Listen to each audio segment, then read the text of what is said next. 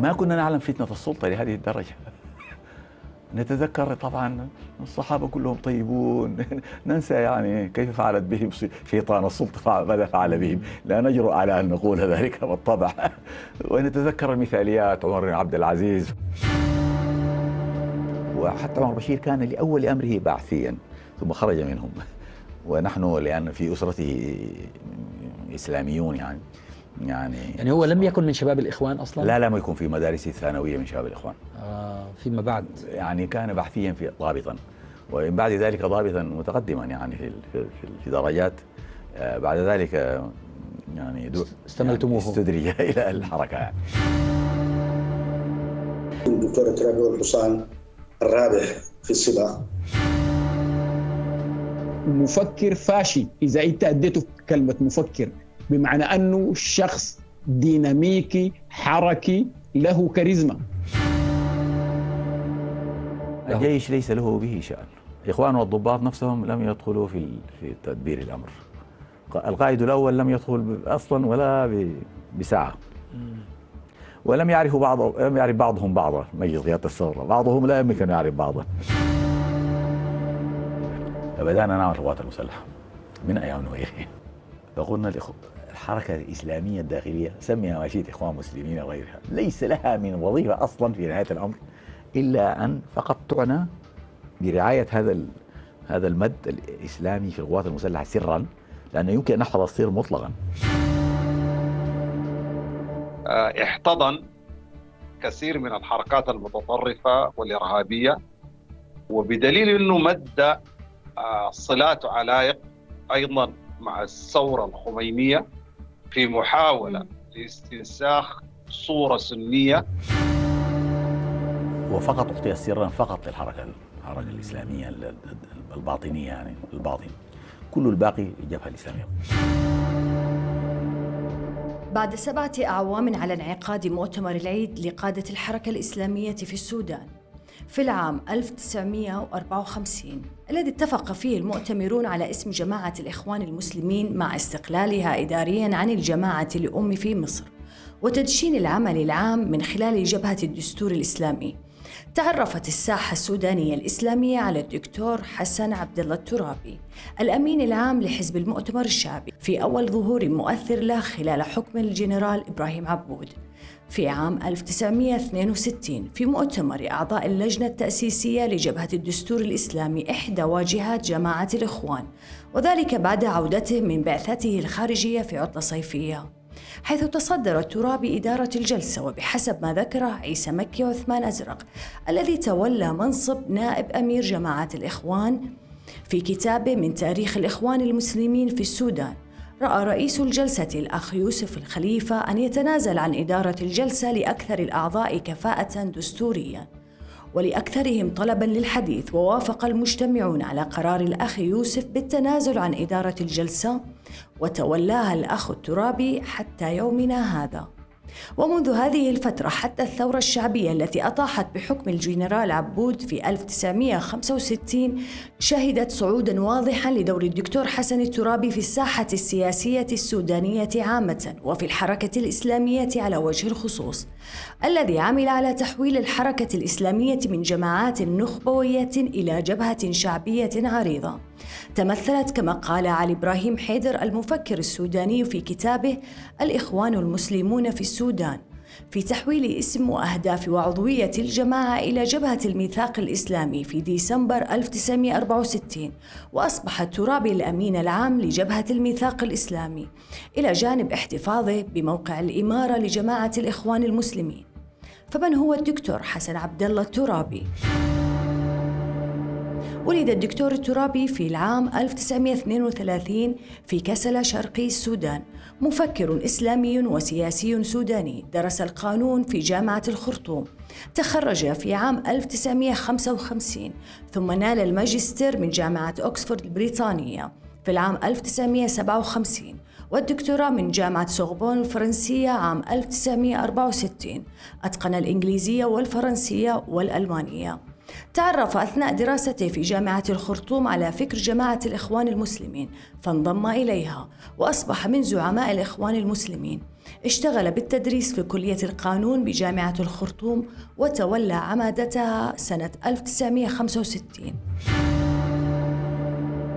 أثار نهج الترابي في قيادة الحركة الإسلامية العديد من المشكلات التي ولدت الخلافات والانشقاقات في جسد الحركة حيث غلبت على قيادته للحركة المرونة الأيديولوجية والفقهية والسياسية بغرض توسيع قاعدة الدعم للحركة وعقد تحالفات مع قوى سياسية مختلفة غير إسلامية.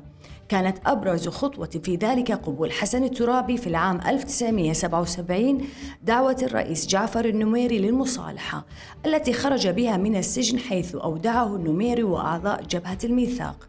وجد الترابي في مصالحة حكم عسكري فرصة لبناء حركة الإخوان المسلمين تحت مظلة النظام ثم الاستيلاء على السلطة.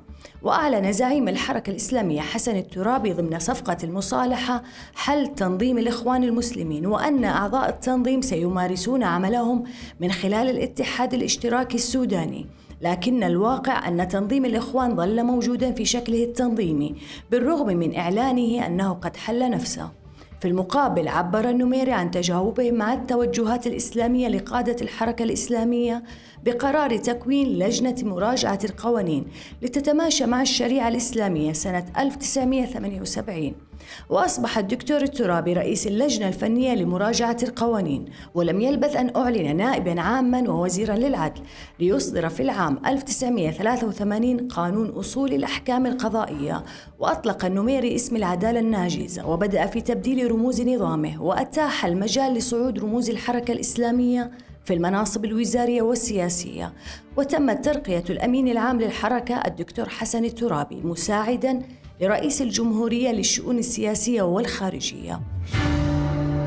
إلى أن في العام 1985 وعقب استشعار النميري حقيقة خطر الحركة الإسلامية خلال المسيرة المليونية لمرور عام على تطبيق الشريعة أعلن النميري خاتمة علاقته المثيرة للجدل والملتبسة مع الحركة الإسلامية عبر إذاعة أم درمان. ووصف الجماعة بإخوان الشياطين. وبعد ليلة واحدة طالت حملة من الاعتقالات الواسعة غالبية الأسماء المشهورة في الحركة الإسلامية. في الأسبوع الثاني من انتفاضة أبريل 1985 التي أطاحت بحكم النميري اجتمعت قيادة الحركة الإسلامية في منزل حسن الترابي. بعد خروجهم من السجن وكتب الإعلان التمهيدي الذي يحمل دعوة الحركة الإسلامية لتأسيس الجبهة الإسلامية القومية. أنا هدى الصالح وهذا برنامج جماعات. رحب بالبداية بضيوفي الدكتور النور حمد مفكر وباحث سوداني حياك الله أستاذي. شكرا جزيلا أستاذة. ومعنا من القاهرة الأستاذ حاتم السر علي آه، مستشار رئيس الحزب الاتحادي الديمقراطي. حياك الله. مرحبا. وأيضا معنا الأستاذ فتحي العلي مفكر إسلامي وقيادي في الحركة الإسلامية في السودان. مرحبا بكم جميعا. آه، إذا تسمحوا لي الله يسلمكم. ودي بس أبغى أستهل الحلقة بسؤال آه، في البداية. أبغى أسأل الأستاذ فتحي العليم أبغى أسألك كيف تعرف وتصف الدكتور حسن الترابي؟ هل هو فقيه أم مفتي أم مفكر أم قانوني؟ أم شيخ طريقة أم مرشد لجماعة الإخوان؟ بسم الله الرحمن الرحيم الحمد لله والصلاة والسلام على رسول الله. التحية لك الأستاذ هدى وللضيوف وماهي أستاذنا النور وأستاذنا السر حاتم السر آه، شخصية الترابي يمكن أن يقال عنها بأنها شخصية مركبة. الترابي درس دراسة تقليدية على يد والده درس العلوم الإسلامية الأساسية في الفقه وفي اللغة العربية وفي التفسير وفي السير وفي غيرها. ودرس العلوم الحديثة من خلال دراسته في جامعة في بريطانيا وفي جامعة السوربون الترابي من الشخصيات التي لا يمكن تصفها بصفة واحدة. كان فيه المعرفة الفقهية الواسعة وكان فيه المعرفة الفكرية الحداثية الواسعة وكان فيه المعرفة القانونية المتطلعة وهو شخصية أنا عادة ما أصفها بأن شخصية متعددة المواهب ومركبة التكوينات الفكرية والمعرفية. لم يكن فقيها مجردا وليس سياسيا مجردا حتى احتار كثير من الأكاديميين الغربيين في وصفه، بعضهم تحدث عن اللاهوتي المحارب، بعضهم تحدث عن الثوري المغافل، بعضهم تحدث عن الإسلام الذي ركب بين اللاهوت والحداثة كما وصفه البروفيسور عبد الله علي علي إبراهيم. هو شخصية متعددة ومركبة لكن نصفها بصفه واحدة. أي نعم، طيب آه، أستاذ آه، دكتور النور أبغى أسألك آه، يعني تقريبا نفس السؤال، كيف تصنف الدكتور حسن الترابي؟ تصنيفي للدكتور حسن الترابي اولا أنا أعتقد أنه إلصاق كلمة مفكر بالدكتور حسن الترابي فيها كثير من المبالغة. أنا أصلا ما حسست في أي وقت من الأوقات بأن آه، صفة المفكر يمكن أن تنطبق على الدكتور حسن الترابي. الدكتور حسن الترابي مسلم سلفي. آه، يعني يؤمن ب آه، إن الله لا يزع بالسلطان ما لا يزع بالقرآن. ولذلك كان من الأول نهجه هو نهج الإحراز السلطة بأي سبيل. تركيب الشخصية الذي تحدث عنه آه، الأستاذ فتح العليم عبد الحي هو آه، من انه هو يستخدم واجهات مختلفة لكي يصل إلى غرضه الأساسي اللي هو إحراز السلطة ولذلك يحدث الغربيين بلسان خاصة عندما كان يذهب إلى واشنطن وكذا وكانوا ينبهرون لأنه يحدثهم بما يروق لهم. وعندما يأتي داخل البلد يتحدث بلسان سلفي قح.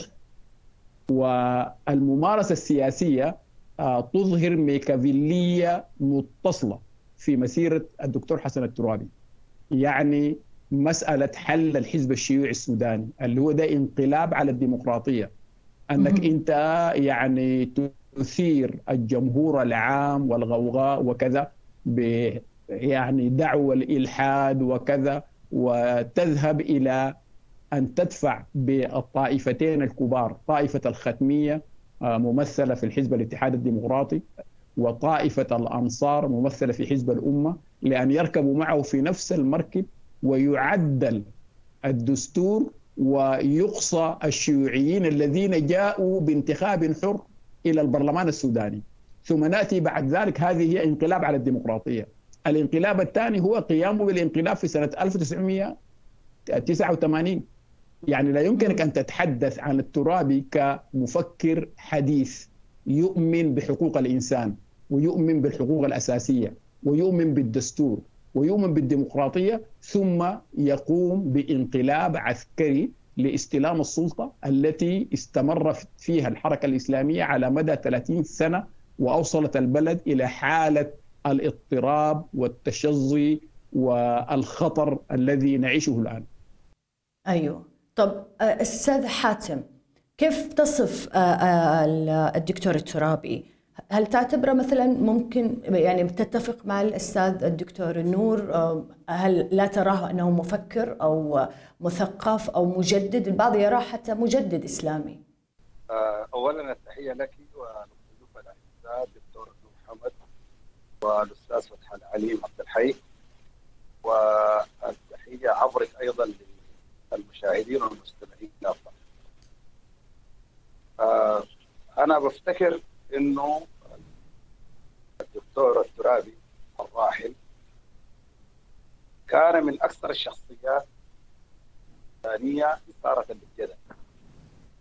جدل سياسي ناتج لمواقفه هزليه زي ما تفضل دكتور معتمد وجدل ديني بفتاويه الدينية المخالفة لآراء علماء المسلمين فالرجل بقدر ما حقق من نجاحات للحركة الإسلامية التي تزعمها كما جاء في بداية التقرير إلا أنه يعني فعلا نقلها من حركة صغيرة ضعيفة محدودة العدد لأول حركة تقريبا إسلامية سنية حاكمة.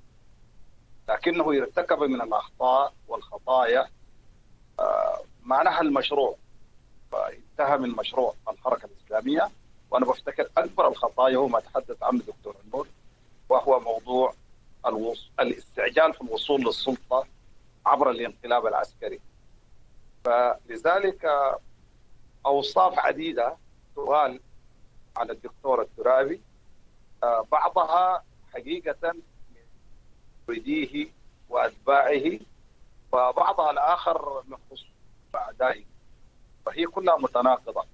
لكن شخصيات شخصية الدكتور لأنها فعلا كما قال الأخ عبد الفتح العليم آه، شخصية فيها قدر من التركيب والتعقيد آه، لكن باختصار شديد آه، أنا أقول إنها هي من أكثر الشخصيات صار للجدل السياسي والديني في السودان.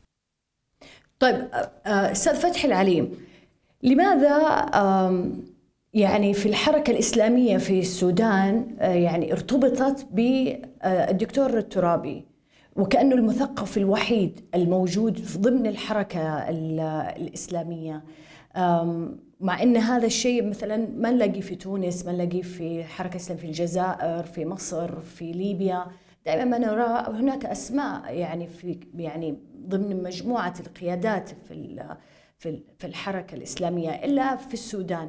هل كان الترابي آه، عنده حساسية من أن يكون هناك شخص إلى جانبه أو منافس له أو له جماهيرية؟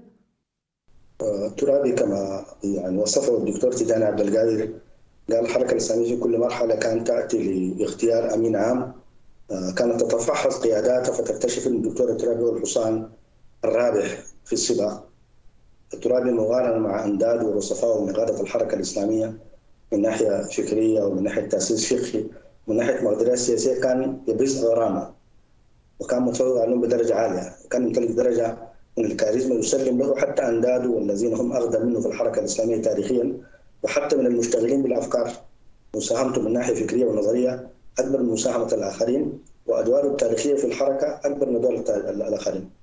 بل الترابي نقل الحركة من جماعة صفوية صغيرة جماعة الأخوان المسلمين إلى حركة كبيرة وصلت إلى الحكم وإلى حركة كبيرة عندها تأثير في الحركات الأخرى في تونس أو في المغرب العربي بصورة عامة أو في غيرها كثير منها استلهمت طروحات دكتور الترابي حول الفن حول المرأة حول العلاقات الخارجية حول غيرها من الملفات. الترابي كان يتقدم الصف الحركة الإسلامية ويتقدم قيادة الحركة الإسلامية بقدراته الخاصة بكاريزماه القول بأنه ما كان حريص على أنه ينافسوه آخرين من المفكرين. هذا القول ليس بصحيح. طبعا لا أدعي يعني ارتباط كبير به لكنني أتيح لي في السنوات الأخيرة أن أكون قريبا منه بدرجة ما. كنت أحس بفرحه بالمخالفة للرأي وقدرته على النقاش والمساجلة وقوله الطرف الآخر. لكن عادة هذه الشخصيات الكبرى والشخصيات الفزة تجد من الإشاعات والحسد ما يتحدث عنه الكثيرون أن الترابي كان يكره الأذكياء ويكره المتقدمين. هذا ليس صحيح. الترابي عنده مقدراته الفكرية وعنده مساهمته. عشان كده الحركة ارتبطت بالترابي وأصبحت بصمته داخل الحركة الإسلامية ظاهرة. أصبحت مساهمته لو رجعت إلى حركة الأخوان المسلمين التي نشأت في في نادي درمان الثقافي. كان أول عهدها بالتأسيس ورجعت إلى الحركة بعد تولي الدكتور حسن الترابي تلقي في مسافة كبيرة. الترابي نقلها. نقلات كبيرة جدا. وأصبحت له بصمته الخاصة داخل الحركة. ودي اللي قدمته على الآخرين. ودي اللي خلته يلقى القبول. حتى وفاته رحمه الله رحمة واسعة من قالب قائد الحركة الإسلامية أن يكون قائدا وأمينا عاما للحركة. وكان بيختار داخل دوالب الحركة اختيار ديمقراطي حر. لم يكن هناك إكراه للآخرين في اختياره ولم تكن هناك يعني قهر كانت شخصيته ملهمة للكثيرين وكانت شخصيته جاذبة للكثيرين وقدراته الفكرية والسياسية بتقدم على مستوى وعلى غرامه. وكثيرون من العالم يغرون له بذلك. طب آه، الدكتور حيدر علي إبراهيم هو المفكر السوداني القدير كان كتب آه، عن آه، الدكتور الترابي وقال الترابي كان أفنديا ولم يكن مفكرا ولا مثقفا. واعتبر انه هو جزء من يعني عبادة الشخصية لدى الحركة الإسلامية وانه يعني ومن هذا المنطلق كان تمجيد الترابي لدى أبناء الحركة الإسلامية باعتباره مفكر إسلامي ومجدد. ولكن هو يشوف يقول إنه لكن أفندي عالي واسع التعليم ولكن ليس مفكر ولا مثقف. آه، لأن المثقف يتحول بعلمه ومعرفته إلى سلوك وطريقة حياة ورؤية يعني وطريقة رؤيته للعالم. يعني بينعكس هذا آه، على شخصية من نصفه بالمفكر أو المثقف. آه، أنا حقيقة يعني أستغرب في الغرب بأن الترابي ليس يفكر مع تقديري لرأي أستاذنا النور ولرأي الدكتور حيدر إبراهيم علي. أقول يمكن أن نقول ما المقصود بمفكر؟ المقصود بها إنسان صاحب مشروع فكري ورؤية في القضايا الخاصة والعامة وتصور لقضايا السياسة والاقتصاد والاجتماع عنده مساهمات نظرية في ذلك وعنده مشروع اجتماعي فاعل لتمكين هذه القيم والتعبير عنها. إذا غير هذا هو المفكر فالترابي مفكر. عنده مساهمات في القضايا النظرية في الفكر الإسلامي مثل ماذا من النظريات استاذي؟ آه، يعني البعض يشوف إنه يعني مثلا هناك كان في يقول لك يعني إنه مجرد خلط يعني كان للترابي خلط للأفكار والمفاهيم وغالبا ما يكون الكلام يعني خالي من آه، المصطلحات العلمية أو التعابير العلمية وبيقول حتى الدكتور حيدر إنه اشتهرت اشتهرت عن الترابي مفاهيم تميزت بسطحياتها سطحياتها مثل التوالي وفقه الضرورة آه، أنا قلت الترابي آه، مفكر عنده مشروع فكري عنده مساهمات نظرية في جانب في جانب منهجية وفي جانب تطبيقية مرتبطة بالسياسة والاقتصاد والمرأة والاجتماع وغيرها. آه وعنده مشروع سياسي كبير أثر على السودان وبنى عليه حركة إسلامية وبنى عليه محاولة لبناء دولة حسب تصوراته للفكر وللسياسة وللمسألة الدينية. وأن الحركة دي أثرت على حركات كثيرة موجودة في المغرب العربي وموجودة في آسيا. كتبت عنه مؤسسات أكاديمية في الغرب وفي أمريكا وبريطانيا في عدد من المفكرين الغربيين. كتبوا عن مساهمات الترابي. يعتبرها مساهمات ضخمة عندها تأثير في تجديد الفكر الإسلامي وفي التنظير له. يمكن أن يختلف الناس مع الترابي في بعض طروحاته ويتحفظوا على كثير من اجتهاداته وآرائه. ويمكن أن يختلف الناس مع مواقف الترابي السياسية وينتقدوا تجربته وينتقدوا مواقفه من كثير من القضايا زي موقفه من حل الحزب الشيوعي إلى آخره. لكن دي كلها بالضرورة ما بتنسحب لأن الترابي ليس مفكر إذا عاد بطبق المليار ممكن نقول منصور خالد ما مفكر لأنه مش عارف في ماله. ممكن نقول الاستاذ محمد عطاء نفسه ما مفكر لأنه دعم ماله في بعض مواقفه السياسية مواقفها من حداثة الجزيره ومن غيرها. إذا عاد نقيم الفكر بهذا المعنى كلام النور صحيح. لكن إذا تحدثنا عن مفكر صاحب رؤية في مخالفات في هذه الرؤية وفي تجارب منسوبة لرؤيته النظرية فيها مشاكل كتجربة الحكم وكلنا من المنتقدين لهذه التجربة واحد منهم. هذه لا تسحب من الترابي. أنه مفكر اجتهد في أنه يقدم اطروحات تخدم الفكر الإسلامي. اجتهد في نزل هذه الاطروحات إلى الواقع. قد يخطئ في بعضها وقد يصيب كسائر البشر. في كثير من التطبيقات كسائر البشر. لكن نقول أنه ليس مفكر على على ضوء ذلك على كلام الدكتور حيدر ليس بصحيح في تقديري طب أستاذ فتح آه الآن مثلا إحنا في في الحركة الإسلامية مثلا نضرب المثال سيد قطب مثلا في في ظلال معالم في الطريق وفي ظلال القرآن وكذا. شخصيات أخرى في مؤلفات يعني في شخصيات نتفق نختلف عليها لكن وضعت لها رؤى وأطروحات وتناقلتها صارت عابرة للأجيال وللجغرافيا. لكن الترابي يعني ما ما هي الرؤى وال الأطروحات الفكرية في الحركة الإسلامية حتى في مجال الاقتصاد. يعني هي مجرد آراء وبعض يعني البعض يعني بيرى أنه هو صوت مرتفع آه، آه، ونشاط حركي يعني لا أكثر. هو كتب كتاب الإيمان وأثره في حياة الإنسان ده كتاب فوق رؤيته الوجودية أو رؤيته للكون وللحياة وللإنسان وكتب كتابات كثيرة في سؤال المنهج في تجديد أصول الفقه والحديث عن أصول الفقه ده في لب سؤال المنهج. كثير من المفكرين كتبوا مشروعات فكرية زي محمد عبده كان واحدة من شواغلهم كيف نتعاطى مع النص القرآني ما هي الأدوات المعرفية والفكرية لتحليل النص القرآني وفهمه. ترابي كتب في هذا المجال وكتب كتابات كثيرة في السياسة مطبوعة في مجموعة كاملة مسماة بنظرات في الفقه السياسي. وحتى رؤيته للسياسة قائمة الأصل هو المجتمع والأصل هو الحراك الاجتماعي وليس الأصل هو الدولة. وليس الأصل هو السلطان الذي يرفعه ترابي كان يؤمن بدور السلطان في التغيير لكن السلطان ليس أصلا. كتاباته النصية أنا قرأت غالب كتاباته رحمه الله. كتاباته النصية تحدث عن المجتمع الأصلي تحدث عن القاعدة الاجتماعية اللي بينبثق منها نظام سياسي واقتصادي واجتماعي. كتب كتابات كثيرة. الترابي أصبح محل الكتابة عنه يا أخت هدى. الدكتور عبد الوهاب الأفندي كتب رسالة دكتوراه في جامعة لندن عن الترابي يتكلم عن ثورة الترابي الفكرية. تكلم عن المشروع الفكري للترابي دي تغرد رسالة الدكتوراه وكتبت في إسرائيل رسالة عن الدكتور الترابي باعتباره واحد رواد الفكر الإسلامي الحديث. وهناك course يدرس في الجامعات الغربية يتحدث عن الظاهرة الترابية. كتب الدكتور خالد المبارك كتاب عن ما, ما, ما اسمه بال Turabism. كتاب موجود مطبوع متداول موجود منه نسخ. الترابي عنده مساهمات تقل أو تكثر كمساهمات سقوط أو مساهمات غيره من المفكرين. لكنه برز في الحياة العامة بالجانب السياسي. لأنه عاده المجتمعات عندنا في العالم العربي.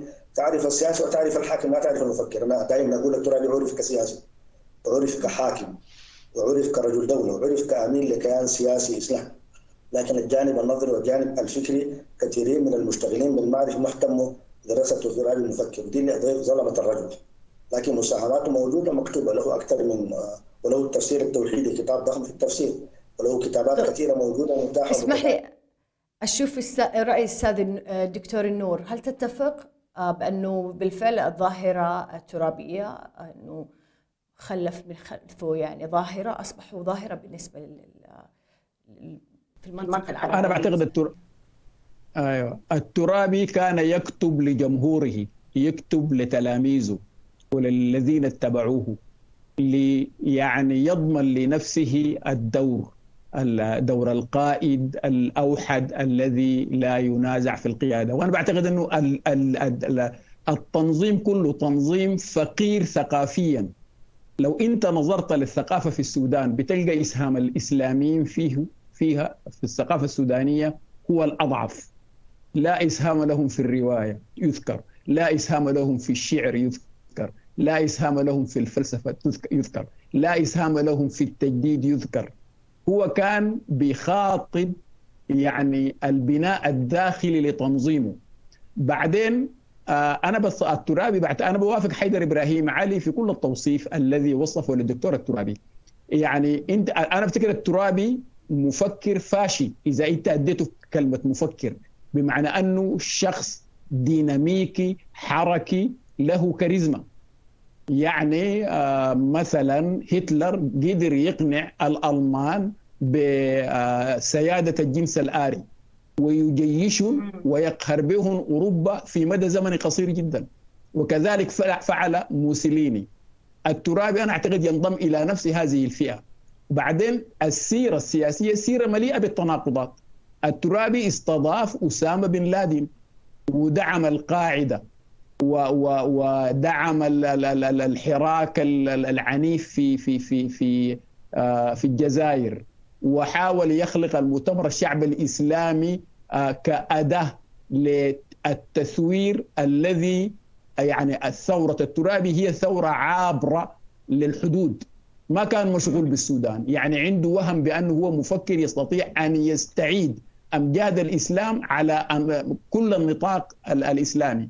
يعني أنا من أبغى باكستان إلى أفغانستان إلى الجزيرة العربية وده واضح برضه في موقفه من حرب الكويت.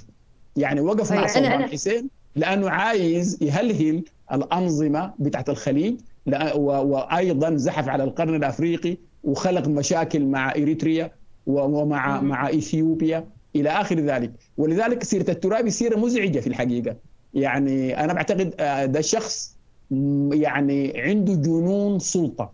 بعدين أقوى دليل ضده هو أنه تلاميذه آه تمردوا عليه بعد عشر سنين من التطبيق بعد الانقلاب الذي قام به آه ليقيم حكم ديني استبدادي. ما عرف السودان مثله في تاريخه. آه وحتى لما نقول فتح الرحمن مثلا أنه هو قضايا المرأة. ما في نظام قمع المرأة في السودان مثل النظام الترابي. العشر سنوات الأولى التي كان فيها الترابي متنفذا في الحياة السياسية السودانية شهدت فيها المرأة أسوأ أنواع القمع والتمييز والإهانة وأنا بعتقد الثورة مثل, مثل ماذا؟ لأنه لأن كانت دائما ما تتفاخر الحركة الإسلامية في السودان بأنها اعتنت بموضوع المرأة وفي آه، أسسوا ما يعرف باسم نهضة نهضة البناء آه، المتعلقة بالنساء اللي دخلوا في الحركة الإسلامية وصار لهم نشاط يعني ضمن الحركة الإسلامية. دخلوا متأخرين جدا. نحن لما كنا طلبة في الجامعات الأخوات المسلمات اللواتي يترشحن لمناصب الانتخابات الاتحادات الطلابية كانت صورهم لا توضع. يعني هم مثلهم مثل أي سلفي يعتقد أن المرأة عورة. ظلوا على هذا لوقت طويل جدا. ضغوط الحياة و و وميكافيلية الترابي وبراغماتيته هي اللي بتخليه دائما يغير جلده من وقت لآخر. لكن في قاع إدراكه هو ذلك السلفي الذي يرى أنه يستطيع أن يصبح آه، ديكتاتورا يفرض الدولة الدينية على الناس بالقهر وبالعنف وبالتعذيب وبالقمع وبالسجون إلى آخر ذلك. بعدين هو لاحظوا من براغماتيته هو صنع الحلق الحركة دي وهو الذي أحدث الانقلاب وأتى بها إلى السلطة. عندما تمرد عليه تلاميذه وأبعدوه بعد عشر سنوات من التطبيق خرج عليهم في الأشرطة المشهورة التي سجلها معه أحمد منصور وهجاهم هجاء مقذعا هجا كل تجربته ومسح بها الأرض. ولذلك أي كلام عن الترابي بيكون كلام يعني إنشاء. ما عنده أي علاقة بما يجري على واقع الأرض. أستاذ حاتم أبغى أسألك في موضوع تفضل الدكتور النور حمد تكلم على أنه الترابي كان عنده هو طموحه أو مشروعه ليس في السودان أبعد من جغرافية السودان. يعني له طموح إسلامي عربي عالمي. وكان ذكر مثال المؤتمر الشعبي العربي الإسلامي اللي اسس الترابي. وكان هو فكرته في هذه التنسيق ما بين الحركات الإسلامية يعني وجعل في مكان يعني يجتمع وملتقى لكافة الجماعات الإسلامية سواء في تونس والجزائر ومصر وليبيا وحتى الجماعات القومية واليسارية. فهل تتفق مع هذا أن الترابي كان له طموح قريب يعني مثلا من الخميني مثلا. طيب الخميني. الحقيقة قبل التعليق الصفات والألغاب العديدة والكثيره اللي اطلقها آه تلاميذ وأتباع ومريدي الدكتور الترابي آه زي العالم والمفكر والمجدد والقائد السياسي. آه ومن حقهم طبعا حقهم ان يقولوا آه عنه ما يشاءون لأنه كل يرى الترابي من زاويه نظر مختلفه ولكن باختصار شديد آه إنه بعض الأفعال والسياسات والمواقف اللي يظل الدكتور الترابي مسؤول عنها بأمانة تتناقض تناقض حقيقي وكبير مع صفات المفكر والعالم والمجدد. آه مثلا عملية الإعدامات التي تمت حتى في السنوات الأولى للإنغاز. وفي الفترة اللي كان فيها الدكتور الترابي هو الشخص الأول والأخير. والترابي لمن يعرفه هو رجل ممسك بكل الخيوط ولا يترك شاردة ولا وارده إلا أن يتابعها بنفسه. يعني نفي عدم علمه بهذه الأشياء غير صحيح وغير سليم ولا ينطلي على من يعرف الدكتور حسن الترابي وشخصيته وطريقته وتركيبته. آه غير الإعدامات مسألة المصادرات التي تمت خلال سنوات الإنغاز. الاغتيالات الانقلابات الانقلاب نفسه جريرة الانقلاب وخدعة الانقلاب وخيانة الحركة الإسلامية بقيادة الترابي للقوة السياسية وللحكومة الديمقراطية المنتخبة اللي هي كانت جزء منها. يعني سبحان الله الحركة الإسلامية بقيادة التراب كانت القوة الثالثة في العهد الحكومة الديمقراطية الأخيرة التي انقلبت عليها في انقلاب 30 يونيو 89 وبالمناسبة أحدثت عدم الثقة وما زال السودان يدفع ثمنها. يعني عدم الثقة اللي أحدث الانقلاب حتى هذه اللحظة ولدت خطاب الكراهية ولدت عدم الثقه الموجودة الآن على المشهد السياسي السوداني ومسيطر عليه. وصحيح أن الدكتور الترابي قبل رحيله بدا في مراجعات وبدا في نقد التجربة وبدا في إبداء الأسف وبدا في إبداء الأسف عن إنه كان نادما على المشاركة في الانقلاب. ولكن المسألة أنا في تقديري تحتاج إلى قدر من المراجعة الحقيقية حتى من ناحية أخلاقية. آه نحن محتاجين نجسر آه ما جسدته هذه التجربة من عدم ثقة بين المكونات السياسية وحتى السوداني. فدي تحتاج إنه الناس لابد أن يصلوا فيها إلى التوافق على ميثاق. على الاقل يحمي الديمقراطية ويجرم الانقلابات العسكرية. يجرمها تماما. ولذلك ما ممكن مثلا نتكلم عن شخص نقول مفكر وهو يمنع الفكر ويصادر الفكر. وهنا نستشهد بالكلام اللي قاله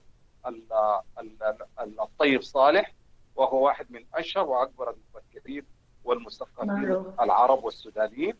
وعندما قال قولته المشهورة من هم من أين أتوا؟ آه، لأنهم صادروا أي فكر كان موجود والمفكر لا يصادر الفكر. والعالم لا يسمح بالخداع ولا يسمح بالكذب وهذه حركة إسلامية. يعني عندما بدأت بدأت إنه والله هذا الانقلاب انقلاب عسكري ويخص الجيش.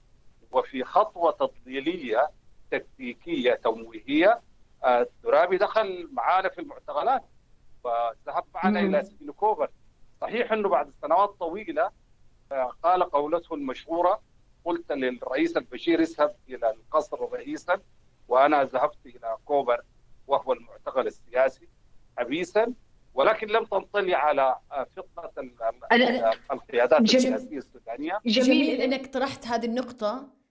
جميل إنك طرحت هذه النقطة أستاذ حاتم. وأبغى أسألك فيها حضرتك كنت في في ذيك الفترة في المكتب السياسي للحزب الاتحادي الديمقراطي. وكنت تشرف على يعني مؤتمرات الحزبية تقريبا يعني من العام 1985 بعد انقلاب الإنقاذ 89 طبعا حضرتك كنت ضمن الشخصيات اللي من تم آه، آه، إلقاء القبض عليهم واعتقالهم آه، في فترة بعد نجاح انقلاب الترابي و بمساعدة طبعا القيادات العسكرية والجيش السودان بقيادة عمر البشير يعني اللي أصبح رئيس الجمهورية. ودي تحكي لي هذه الفترة لما كنت حضرتك مع قيادات الأحزاب في السجن آه، وأيضا الكوادر الحزبية. كيف استقبلتم الموضوع وكيف كنتوا شفتوا هذا الانقلاب؟ هل بالفعل مثل ما قال الترابي بأنه ضحك على الجميع وقدر أنه يخدع الجميع أنه والكل اعتبر أن هذا انقلاب عسكري وليس للإسلاميين دور لا بأمانة الترابي لم يخضع ولم ينجح في حقيقة وطبيعة الانقلاب 30 يونيو 89 بالنسبة للجانب على الاقل بالنسبة لنا القوة السياسية السودانية. منذ اللحظات الأولى بمجرد إذاعة البيان الناس كلها أدركت وعرفت إنه والله الجهة الوحيدة اللي عندها مصلحة والتي أحدثت هذا الانقلاب هي الجبهة القومية الإسلامية بقيادة الترابي بصرف النظر عن أنه هو موجود داخل المعتقل مع كل القيادات السياسية في سجن كوبر وده كان ظاهر حتى في التعامل داخل المعتقل وفي السجن آه، كل القوى السياسية الترابي كان يضحك عليها بأنها آه، هو يعتقد أنها لا تعلم وهي تضحك عليه باعتبار أنها هي تعلم وتعلم أنه يقوم بدور توجيهي لحمايه النظام ولتثبيت أركانه لأنه يعلم أن هناك جهات كثيرة وبالذات دول جوار السودان مصر المملكة العربية السعودية وأوروبا والغرب بصورة عامة لن يقبلوا بالترابي ولديهم تحفظات على الترابي وعلى الحركة الإسلامية وعلى الإسلام السياسي وبالتالي فعلا ممكن نقول انطلت على البعض. يعني في بعض الدول آه، في البداية أيدت في بعضها تحفظ في بعضها تفهم جعة الانقلاب لكن آه، يعني أنا أذكر في هذا الإطار مثلا عندما كنا في المعارضة القاهره في مصر آه، في 95 ومحاولة اغتيال الرئيس حسني مبارك الشهيرة والتي تورط فيها النظام بشكل مباشر ومحدد آه، جاء الرئيس مبارك وذهبنا نحن المعارضة السودانية في مسيرة ضخمة آه، على الأقل لإدانة ما حصل في السودان. وإدانة الإرهاب وإدانة الاغتيالات وكذا. فالرئيس مبارك في ذلك الوقت فيما يشبه الاعتراف خاطبنا فرد عليه الأستاذ فاروق عيسى وقام الرئيس مبارك قال يا أخواننا والله أنا كنت واقف مع الحكومة وعدد المجالات التي دعمها. إنه دعمناها في واحد واثنين وثلاثة وأربعة وما كنا نعتقد أنها بهذه الصورة. ده نموذج في بعض الدول مثلا زي المملكة العربية السعودية والإمارات والكويت وبعض الدول. اجروا اتصالات مع العسكريين باعتبار الجيش السوداني. فاذكر طلبوا منهم توسط بإطلاق سراح المرغني والمهدي وبعض القيادات السياسية يعني. فالتصرف الردود اللي حصلت جعلتهم يدركوا مبكرا إنه هذا ليس سلوك جيش ولا سلوك عسكري هذا سلوك حزب سياسي. ولكن لحسن الحظ إنه طبيعة النظام وتركيبة النظام وبسرعة أفصح عن نفسه زي ما قال دكتور النور كأنه فتح السودان ملاذ آمن عسكرات التدريب ده كله كان بدعم إيراني وتسليح إيراني. النظام عندما أفصح عن كشف آه، طبيعته من خلال خطاباته ومن خلال أقواله وأفعاله هذا ساعدنا بشكل كبير جدا في حصد الدعم والتأييد من كافة الدول وبالذات دول الجوار السوداني وتحديدا عندما فتح السودان الأراضي بما يسمى بمؤتمر الشعب العربي الإسلامي. لأنه ده أتى بكل المتطرفين كل الدول وجعل كل العواصم بالذات العربية والإفريقية ودول الجوار السوداني باتت تدرك أن هذا النظام يسعى لزعزعة أمنها واستقرارها. وهذا ما كنا نقوله نحن في الأول كمعارضة. كنا نقول لهم أنه هذا الانقلاب الذي أحدثته الجبهة القومية الإسلامية بقيادة الترابي هو ليس شانا محليا سودانيا. وكنا نقول لهم أنه أخطار ومضار ستتعدى السودان إلى دول الجوار وإلى العالم. لأنه زي ما قال دكتور النور قبيل طبيعة التركيبة. وطبيعة تركيبة الإخوان وبرنامجهم ومشروعهم الإخوان المسلمين أقصد أنه لا يؤمن بالدولة القطرية أو الدولة المركزية وبيعتبروا الحدود حدود استعمار. وبالتالي عندهم المشروع التوسعي وعندهم الدعوة إلى العالمية. وده بيخليهم يلتغوا مع إيران في مشروع تصدير الثورة. وتصدير الثورة دي لمن؟ لدول على الأقل يعني كان المستهدف الأول هي آبار النفط آبار القدسية. آبار النفط في الخليج طبعا. والقدسية بالذات المملكة العربية السعودية كانت صاحبة النصيب الأكبر. ولذلك في نهاية المطاف هذه الدول جميعها كانت واقفة موقف آه، معارض ومصادم ويمكن ما عملت تقارب آه، مع النظام إلا بعد المفاصلة.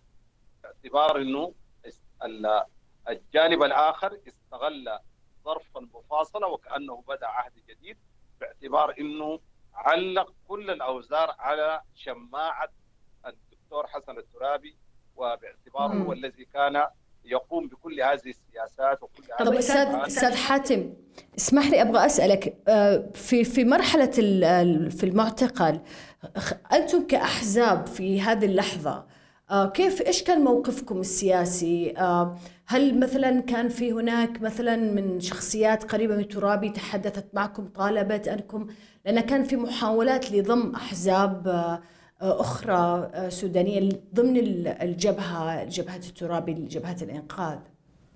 أي نعم جرت محاولات داخل معتقل كوبر في الأيام الأولى للحديث لفتح حوار لفتح حوار باعتبار إنه والله يا إخواننا الحصل حصل. والآن أصبحت الديمقراطية في خبر كان وهذه مرحلة جديدة لنا اللحظة التي نحن فيها. دعونا نفكر كيف نتعامل مع هذا الوضع الجديد. لكن لأنه القيادة السياسية والنقابية والحزبية وحتى كبار العسكريين المعتقلين كلنا كنا ندرك بأن هذا هو انقلاب الجبهة القومية الإسلامية وبالتالي الجانب ده رفض رفض بات بل العكس استفدنا أن مظلة أو منصة الانطلاقه الاساسيه لعمل المعارضة يعني ميثاق التجمع الوطني الديمقراطي وبرنامجه وخطه وقيادته كلها تمت هيكلتها من داخل سجن كوبر.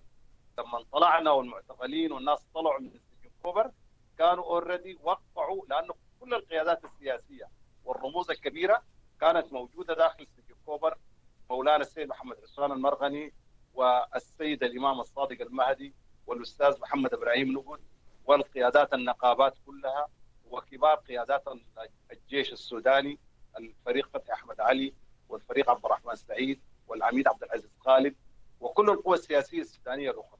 بالتالي استفدنا من الوجود في أننا بدل أن هم عاوزين يقودونا في اتجاه مصالحة مبكرة مع النظام والتعايش معه حصل العكس. إنه أسسنا لعمل المعارضة ولميثاق المعارضة ومن ذلك انطلق هذا العمل إلى أن تم ال تمت المصالحات والحل السياسي بمبادرة أو اتفاقية فاشا واتفاقية فاشا ثم اتفاقية الغاهرة في 2005 أيوه. طب آه، أبغى أسألك أستاذ فتحي العليم تسمعني؟ نعم. طيب. آه، آه، الدكتور المحبوب عبد السلام كان ذكر في كتابه أنه بخصوص تأسيس بيوت الأشباح. طبعا الدكتور المحبوب عبد السلام هو من أعضاء المؤتمر الشعبي وكان يعني من قريب جدا من الترابي في لفترة طويلة يعني. وفي السنوات الأخيرة كان له قراءة نقدية للحركة الإسلامية في السودان. فتكلم عن بيوت الأشباح اللي كانت عرفت بعد ما سيطر الإنقاذ على الحكم. تمددت فيها الاعتقالات العشوائية دون تحقيق أو محاكمة ولكن بتعذيب وإهانة لكرامة الإنسان. وأن عناصر الأجهزة لم يفتقروا إلى من يفتي لهم بجواز التعذيب في الإسلام. في مأساة فكرية تضاف للمأساة الأخلاقية. قام بالتعذيب عناصر من الاستخبارات. العسكرية شاركهم عناصر من أبناء الحركة الإسلامية وأعضائها. وجرت بعض مشاهدها أمام عيون الكبار من العسكريين الملتزمين. وقادة أجهزة الحكومة ولكنها لم ترفع صوتها للخارج بالاعتراف والاعتذار للذين وقع عليهم الظلم العظيم من كبار قادة المعارضة. آه وطبعا إحنا هذا بنتكلم إحنا عن شخصية كانت ضمن الاعضاء المؤتمر الشعبي العربي الإسلامي اللي كان يتزعم آه، الترابي. آه، ويكشف هذه المعلومات في كتابه ويقر أن هناك كان في حالات تعذيب شديدة وفي حالات إعدامات وإهانة وإساءة تعامل. إحنا يعني حضرتك كيف آه، ترى هذا الشيء خاصة أن الحركة الإسلامية دائما يعني لما تروج لنفسها وخطابها بأنها هي آه، للعدالة والمساواة ومحاربة الظلم والطغيان. طبعا دي تجاوزات حصلت من الاجهزه الأمنية أو ما يسمى بعثه العمل الخاص سواء كانت اجهزه حكومية أو اجهزه تنظيمية. ومحبوب كتب عنها ترابي نفسه في الدراسة النقديه الكتب اللي تجربه كتب عنها وكتبوا عنها كثيرين يعني. طبعا دي واحدة من الاشكالات المرتبطة بالتجربه الاسلاميه في السودان إنه كان في تناقض بين مجموعات العمل الخاص والمجموعات الثانية ودي ظاهره اعترف كثير من الحركات الإسلامية. حتى في مصر الإمام البنا رحمه الله اشتكى من خروج مجموعة العمل الخاص على الرؤية الكلية للحركة. وده اللي خلى الترابي نفسه بعد ذلك يتكلم عن التوالي السياسي لأنه هو حلل ذلك بأنه الفساد والتجاوز ده حصل لأنه الإسلاميين منفردين بالسلطة طب أستاذ معلش اسمح لي اسمح لي أني أقاطعك. لكن الدكتور الترابي آه، جلس في هذه الحكم عشر سنوات قبل أن تحدث المفاصلة ما بينه وبين البشير. آه، لم يخرج لم يخرج خاصة وأنه يرفع وحضرتك وصفت بأنه مفكر إسلامي ومجدد ومجتهد وما إلى ذلك. لم يخرج باعتذارات لم يحاسب قيادات التي تورطت آه، في مثل هذه الأعمال. يعني, يعني بقي هذا الموضوع يعني كانت محاولة السيطرة على المشروع وإعادته إلى المسار الحقيقي. ودي بداية الخلاف بين التراب وبين تلاميذه منذ التسعينات 92 95 96 حتى 97 جعل التوالي السياسي لفتح البلد على التعددية السياسية. وكانت قناعتهم اذا وجدت مجموعات سياسية أخرى مشاركة في الجيم السياسي. ده بيحصل تضارب بين المجموعات السياسية وبيحصل ضغط على المجموعه الحاكمه وبيتحقق شيء من العدالة لأنه الانفراد بالسلطة مفسدة مطلقة، السلطه المطلقه مفسدة مطلقة. ومن هنا بدأ الصراع بينه وبين تلاميذه لحد ما انتهى لخروجه المشهور. يمكن محبوب يتكلم عن الكلام ده بتوسع في الكتاب بتاع دائرة الضوء. تكلم عن الصراعات بينه وبين المجموعة الأخرى وتكلم عن التفلتات الحاصلة وتكلم عن محاولات التراب من خلال الحديث عن التوالي السياسي أنه يفتح البلد على الحريات وعلى التعددية حتى يسيطر على أستاذي بعيدا عن الحريات والتعددية إحنا نتكلم عن حالات اغتيالات وتعذيب في السجون وفي المعتقل وفي مقابلات خرجت لعدد من الشخصيات. ذكروا شهادات يعني سيئة جدا وبشعة ما واجهوه خلال اعتقالهم. لكن لم نرى نحن نتكلم عن مفكر وقائد للحركة الإسلامية موقف حازم وصارم في ذلك الوقت بمحاسبة من تورطوا في مثل هذه الأعمال بمحاكمتهم أو حتى أن يتخلى عن منصبة كتصرف أدبي ضمن من يعني يتبنى شعارات آه، تطبيق الشريعة والحكم بالإسلام والعدالة الاجتماعية وما إلى ذلك. آه، هو أنت قلت تلاميذه قلبوا عليه هو لما انتبه لهذه الأشياء والتجاوزات كانت السيطرة على الدولة والسيطرة على التنظيم أصبحت في يد المجموعة الأخرى. وزي ما قلت محمود تكلم بتوسع. المجموعة الأخرى على راسها النائب السابق ومعه مجموعات من الاجهزه الأمنية ومجموعات من الغادة السياسيين كانوا أصبحوا كاملي السيطره والكنترول على تراتيب الأمر داخل التنظيم وداخل وداخل الدولة. وبعد ذلك ننتبه انه الزمن فات ما في طريقة لعمل استدراكات. بعد على المواقف السياسية المعروفة. لكن الفترة من 97 لحد خروجه من التراب كانت صراعات مع الأطراف الموجودة في الداخل. كانت محاولة للسيطرة على الأمر. الترابي بعد ذلك اكتشف إنه ملفات كثيرة من التفاصيل موجودة عند تلاميذه. والغول بانه كان مطلع على كثير من التفاصيل ليس بصحيح. المفكرين بصورة عامة ما بيميلوا للتفاصيل دي مسألة طبيعة لازمة فوقهم ما بيميلوا للتفاصيل. بطبيعته كان بيفوض الملفات لبعض المعنيين ملفات في الأمن ملفات في السياسة ملفات في التنمية في غيرها.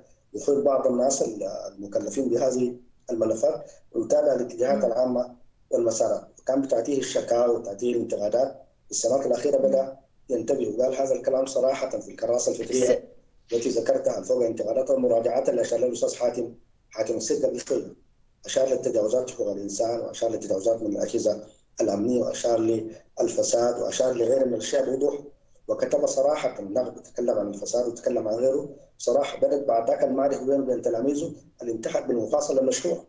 أستاذ نور آه، أسألك بنقطة أن كثيرا ما الترابي وتلامذته دائما ما يعني يقولوا أن هذه تجاوزات و ما جرى من عمليات تعذيب واعتقالات و يعني اغتيالات لم يكن الترابي يوافق عليها ولم يكن يعلم بها هل هذا واقعي؟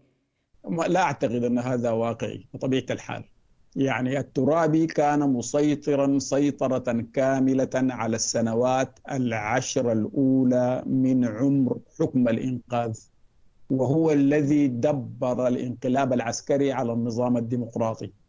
وكونه مثلا أن يقول أنه تنفيذ الإعدام في الضباط الثمانية وعشرين في المحاولة الإنقلابية في محاكمة صورية ولعله من غير محاكمة لا يمكن أن يكون هو لم يسمع بذلك. الترابي بصره مصوب على السلطة والسلطة وحدها. ولذلك كان باستمرار هو يغير جلده لأنه هدف واحد. إذا أنت بدأت حركة إسلامية من الستينات وبدأت تبني فيها بناء طويل جدا جدا عبر منعطفات كثيرة جدا وارتكبت أعداد هائلة جدا من الأخطاء في هذه المسيرة الطويلة. إلى أن وصل بك الأمر إلى أن تقوم بالتخطيط باختراق الجيش أول شيء. اختراق الجيش بأنك تجعل من الجيش عناصر تابعة لتنظيمك وهو جيش قومي لكل السودان. بعدين أن تقوم بالانقلاب العسكري وأن تشهد في أول سنة له إعدام 28 ضابط. إذا أنت أنكرت أنك أنك لا علم لك بإعدامهم أنا أفتكر تستقيل. لأنك أنت مسؤول. والترابي ما استقال استمر عشر سنين بعد هذه الحادثة. واستمر في أخطاء كثيرة جدا. أيضا قال هو ما عنده معرفة بمسألة آه، آه، محاولة اغتيال الرئيس الأسبق حسني. مبارك. أيوه. وهذا أيضا نوع من ال من ال من, ال من يعني يعني إذا أنت مسؤول من حركة وبتصحى تحدث فيها كل هذه التجاوزات الكبيرة لا أنت تقوم بعمل تصحيحي واضح ولا أنت تستقيل تتركه على اعتبار انه الأمر ده هذا الأمر فلت من يدك وأصبح يسير في اتجاه. بعدين الترابي شهد على مسألة يعني تحويل الحرب المطلبية الجنوبية إلى حرب جهادية وأصبحت في برامج تلفزيونية إلى تجيش الناس باعتبار انه هذه حرب مع الكفار. ودخلت فيها خرافات وكميات هائله جدا من الدجل والشعوذة لا زالت مستمرة إلى يومنا هذا والترابي كان يشهد على هذا ويراها في التلفزيون ويباركها بالعكس الترابي كان يذهب إلى المآتم ومآتم الذين يعني يغضون نحبهم في هذه الحرب الغريبة ويعقد لهم على حور الجنان زي ما هو معروف في الأوساط السودانية. أنا أعتقد أنه دي حركة يعني أحدثت لخبطة في الحياة السياسية السودانية لا نزال ندفع تجربة آه، يعني ثمنها إلى الآن. الدولة السودانية الآن منهارة بسبب تخبط الدكتور حسن الترابي والتجريب في الناس.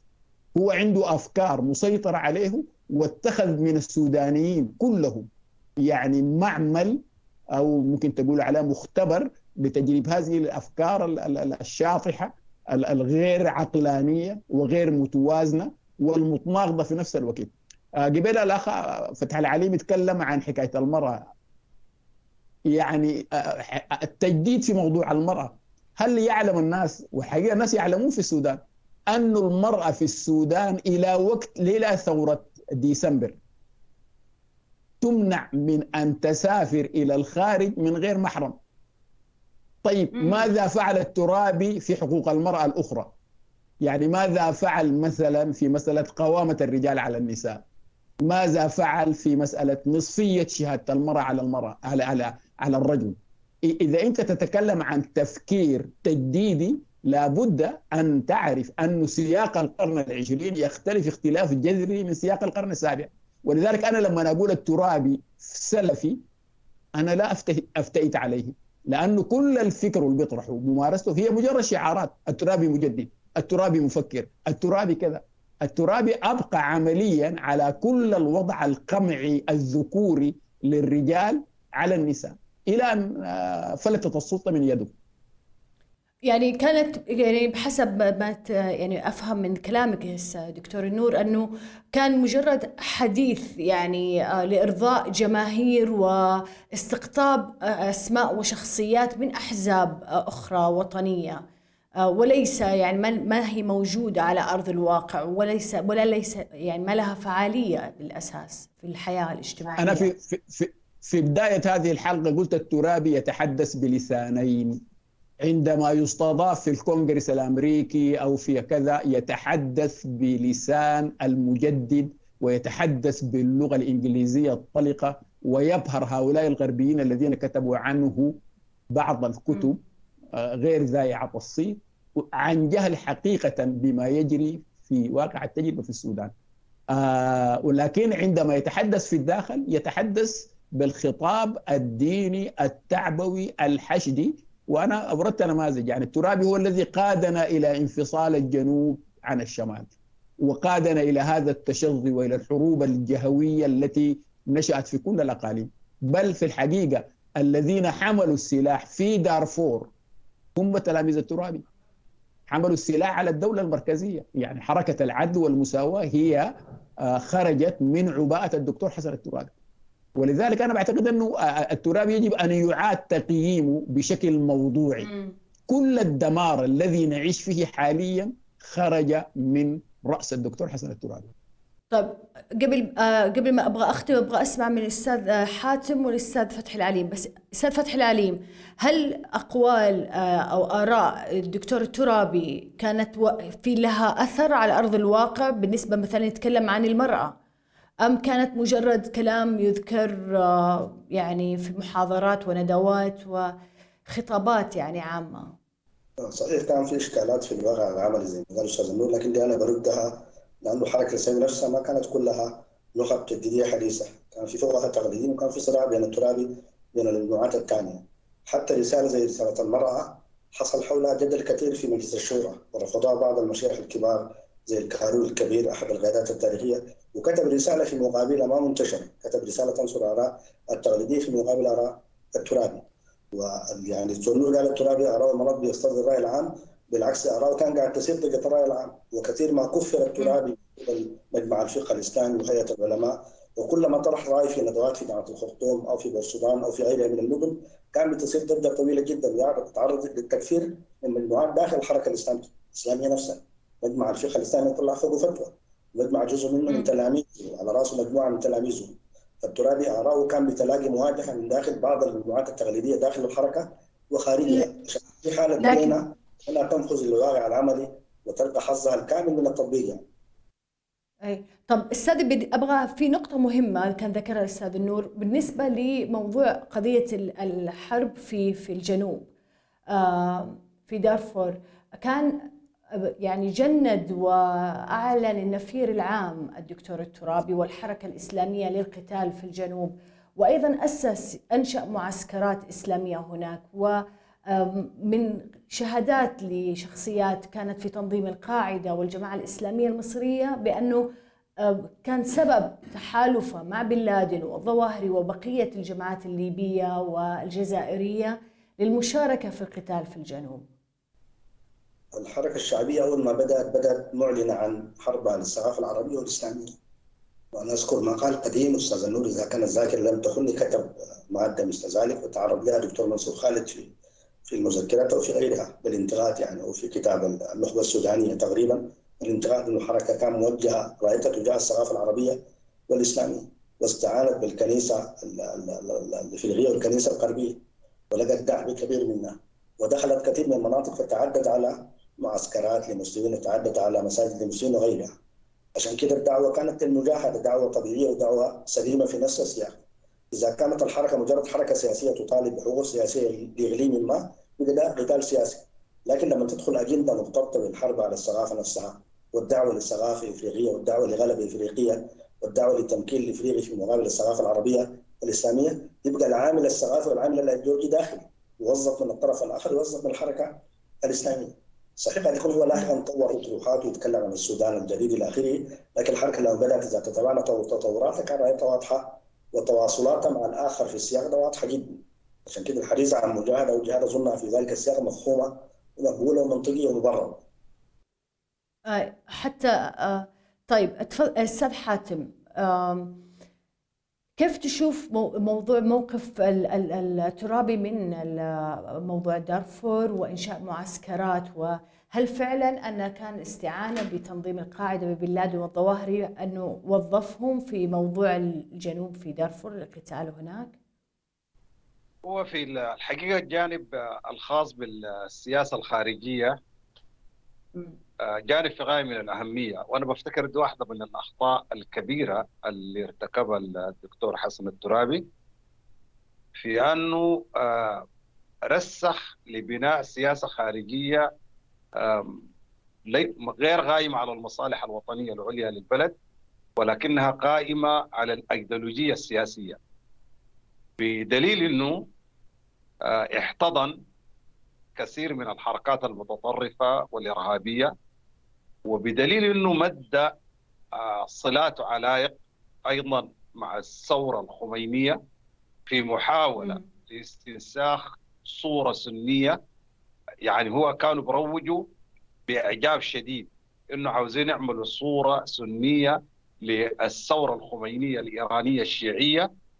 وبيفتكروا إنه في عوامل نجاح كبيرة لهذه العملية بدليل إنه الكلام اللي قاله فتحي العليم في الأول اللي هو الخاص بأنه الدكتور الترابي كان لديه صلات وعلايق ونفوذ الحقيقة كان عنده نفوذ كبير على الحركات والجماعات والتيارات الإسلامية في المغرب وتونس والجزائر وليبيا واليمن والكويت وكثير من البلدان.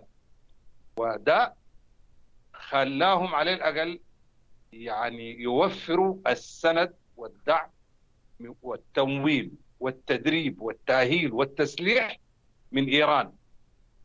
ده هنا السر ده هنا سر العلاقة العجيبة ما بين إيران الشيعية والحركة الإسلامية السنية. يعني اختلاف المذاهب ما أثر اطلاقا في في تنسيق المواقف والاتفاق على قضايا كبيرة. منطلق الارتكاز فيها كان هو نظرية معاداة الغرب وحلفاء الغرب. يعني دي يعني يعني تقصد أن الترابي هو حلقة الوصل ما بين الإسلام السياسي الشيعي والإسلام هو السياسي هو السني؟ المنسق هو كان المنسق لهذه العملية وكان المهندس لهذه العملية وليست بقناعة منه. وزي ما تفضل دكتور النور حمد هو رجل سلفي سني ولكن عندهم ما يسمى بفقه الضرورة الذي يبيح لك أن تفعل ما تشاء في سبيل الوصول للغاية. لأن وال- وال- والتوجه الإيراني يلتقيان الحقيقة في انه بالنسبة لهم مفهوم الإسلام اللي هو المفهوم الإسلام السياسي ما هو إلا مجرد آه، يعني آلية أو سلم للصعود به والوصول به إلى السلطة.